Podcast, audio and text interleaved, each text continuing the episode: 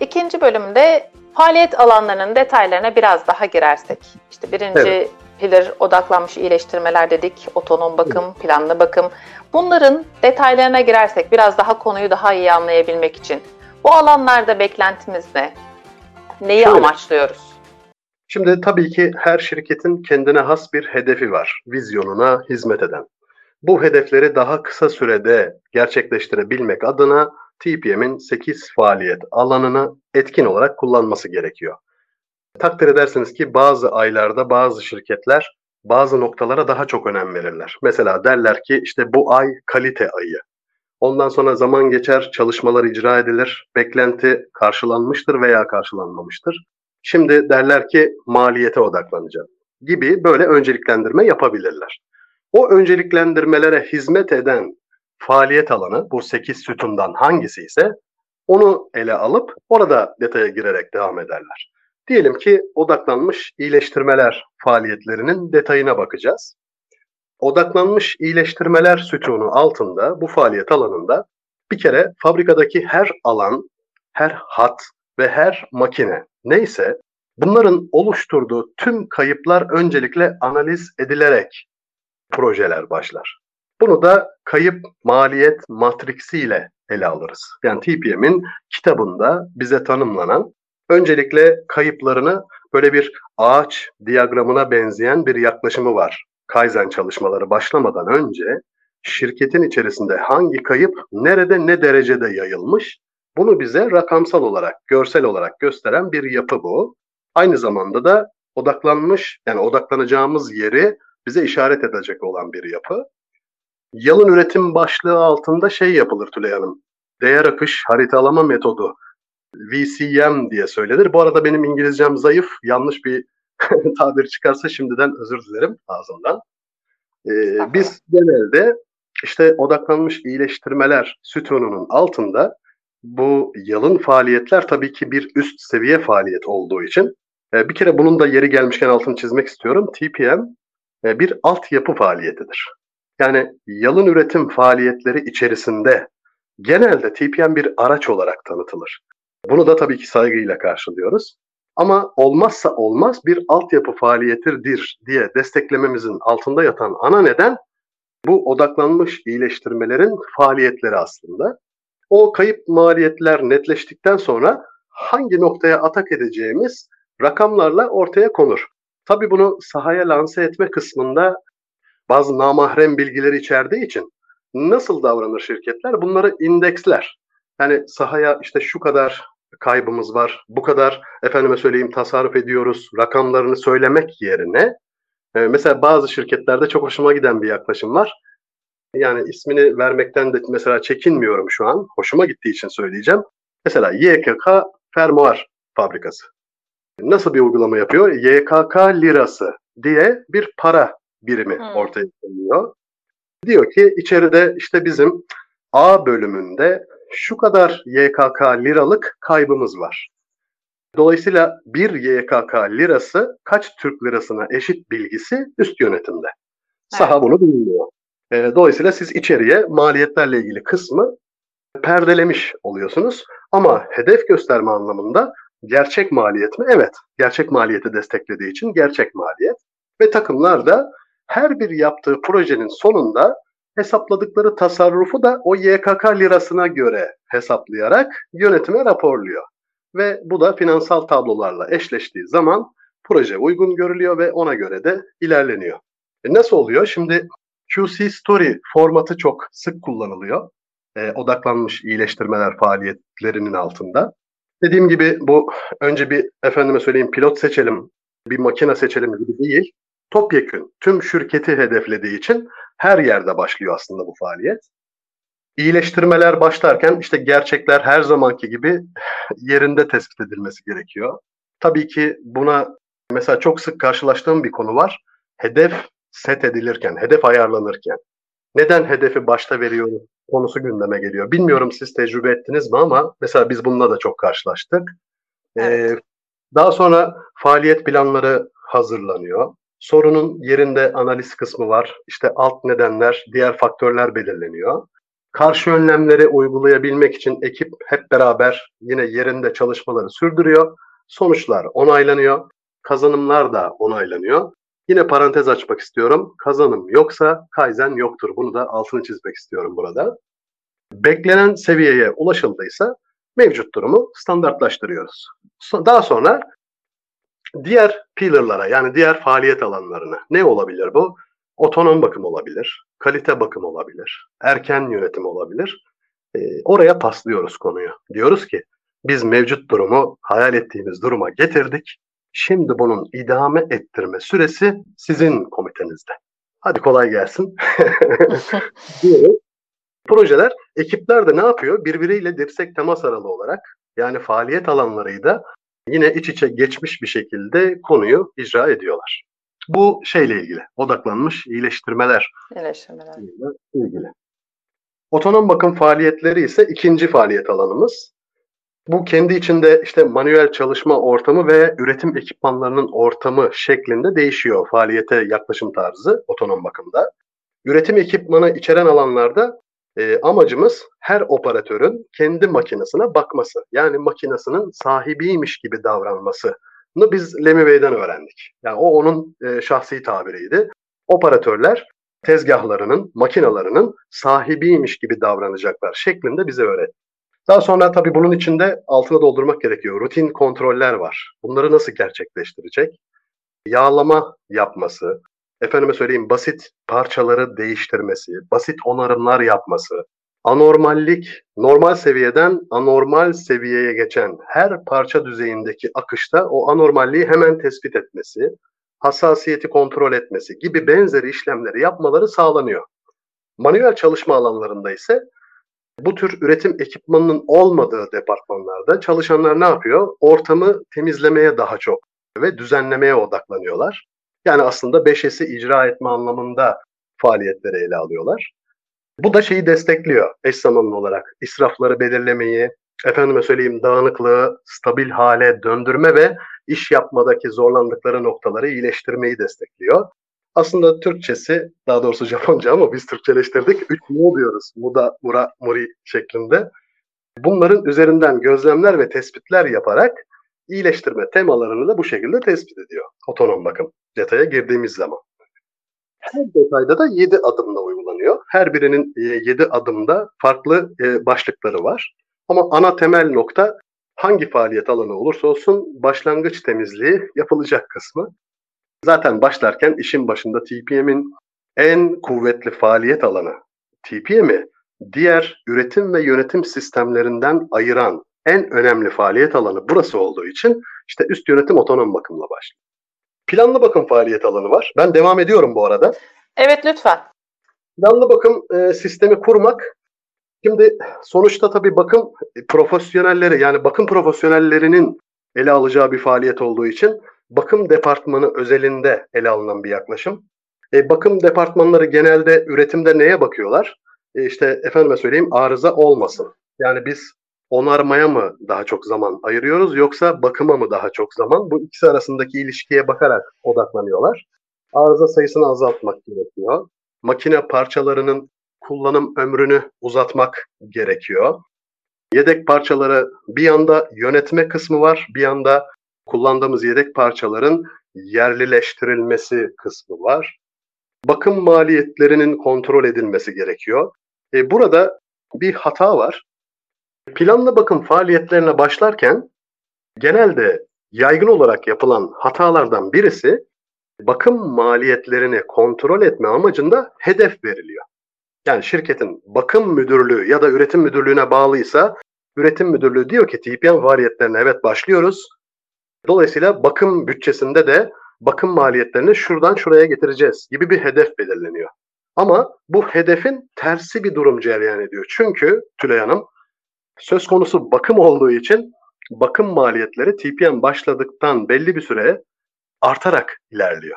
Yani parçaları değiştiriyorsunuz, restore faaliyetleri yapıyorsunuz, belki kaizenler yapıyorsunuz, parça ömürlerini uzatıyorsunuz falan filan. E, buralarda bakım maliyetleri biraz artıyor. Bu ters bir ilişki yaratabiliyor. Bunun altını çizmek istiyorum. Burada yapılması gereken doğru uygulama bakım maliyetlerine bir miktar hedef vermemek. Tabii ki serbest bırakılsın anlamında söylemiyorum. Stabil bir şekilde tutmaya özen göstermeye çalışmamız gerekiyor. Ee, çok fazla arttırmamak anlamında. Planlı bakım amaç koruyucu bakımı yapmak. Yani o hatta o hattın mevcut seviyesini stabil bir şekilde koruyalım. Yaklaşımı ele alınıyor planlı bakımda. Bir diğer faaliyet alanımız öğretim ve eğitim kısmı. Şimdi her alanda çalışan kişiler işi etkin bir şekilde yapabilmeleri için tam olarak hangi bilgi ve becerilere sahip olmaları gerektiğini bulmamız gerek. Ardından tabii bu gereksinimlere göre değerlendirip onlara göre eğitimleri icra etmemiz gerekiyor. E, bunu başarmanın yaygın bir yolu atölyede işte bir bakım eğitim tesisi kurmak ve bunu asla işte çalıştırma veya onarım hatası yapmayan çok yetenekli operatörler geliştirmek için kullanmak. Buna bazı şirketler dojo diyor, bazı yerler akademi bünyesi altında sınıflandırabiliyor. Amaç öncelikle üretimdeki çalışan operatöre bakıma yardımcı operatör seviyesine çıkarabilmek. Eğitim ve öğretim kısmında ilk odaklanılan yer burası. Proje ilerledikçe, insanlar belli seviyede geliştikçe bu sefer de kalite güvenceye yardımcı operatör. Yani operatör ürettiği ürünle ilgili kalite konusunda söz sahibi olmasını istiyoruz. Örneğin bir setup yapılıyor. A modelinden B modeline geçtik. Seri üretime gireceğiz ama kaliteci arkadaşın onayı bekleniyor gibi. Bunları ortadan kaldırmak için makine operatörü arkadaşımız kendi ürettiği ilk ürüne onayı verebilecek yetkinliklere sahip olması için bu proje böyle yaygınlaşarak devam ediyor. Erken yönetim kısmı var. Ben bunu genelde böyle ön cephedeki çalışan arkadaşlara anlatırken şöyle anlatıyorum. Diyorum ki çocuk anne rahmine düştüğü andan itibaren anne karnından doğacağı ana kadar geçen sürede anne nasıl davranacak? Çocuk doğduktan sonra o çocuğun sağlıklı bir şekilde dünyaya gelebilmesi için annenin dikkat etmesi gereken bazı parametreler var. Nasıl yaşayacak anne? O doğum sürecine yaklaştığı sürede nelere dikkat edecek gibi. Aslında bu tam da adını bu şekilde dolduruyor. Şimdi müşterilerin gereksinimleri var. Bunlar çeşitlenmeye devam ediyor. Ürün yaşam döngüleri giderek kısalıyor. Bilmiyorum destekler misiniz ama yeni ürünleri geliştirme rekabeti de gitgide yoğunlaşıyor. Pazarda rekabet var. Yeni ürünler az da olsa yenmek gerçekten hayati derecede önemli hale geliyor. Yani bir şirketin yeni ürünleri üretmek için gerekli ekipmanı, bunu ekipman geliştirmeye başlamadan önce ürünün geliştirilmesini beklemek yerine aynı anda geliştirerek ürün lansman sürelerini azaltmak başarısı gibi düşünebiliriz. Evet aslında burada da şunu söyleyebilir miyiz? Ee, Tabii, buyur. bir ürünü ya da ekipmanı kullanmaya başlamadan önce ya da üretmeye başlamadan önce yine bir tasarım faaliyeti. Onunla ilgili olarak ortaya çıkabileceğini düşündüğümüz terslikler nelerdir, riskler nelerdir? Bu analizlerin yapılması ve tabii, tabii. onları ortadan kaldıracak yöntemlerin neler olduğunu belirlemek gibi. Haklısınız. En başından itibaren güvenli, kayıpsız, güvenilir, bakımı kolay, operatör dostu dediğimiz ekipmanlara sahip olmak istiyoruz. Üretim departmanının çok daha iyi bir iş çıkarması ancak böyle mümkün oluyor. Bunu Japonlar yıllar yıllar öncesinden fark etmiş. Yani erken ekipman yönetiminde planlama, geliştirme, tasarım aşamalarında yeni veya yeniden modellenen ekipmanlarda tasarım kusurlarını ortadan kaldırmaya, işte anında sorunsuz bir şekilde devreye almaya ki buna dikey başlama diyoruz. Vertical startup diye söylenir. E, bu hedeften hareketle mesela MP yaklaşımı var. Bakım önleme dediğimiz. Bakım gerektirmeyecek ekipmanlar tasarlayalım şeklinde yaklaşıyoruz.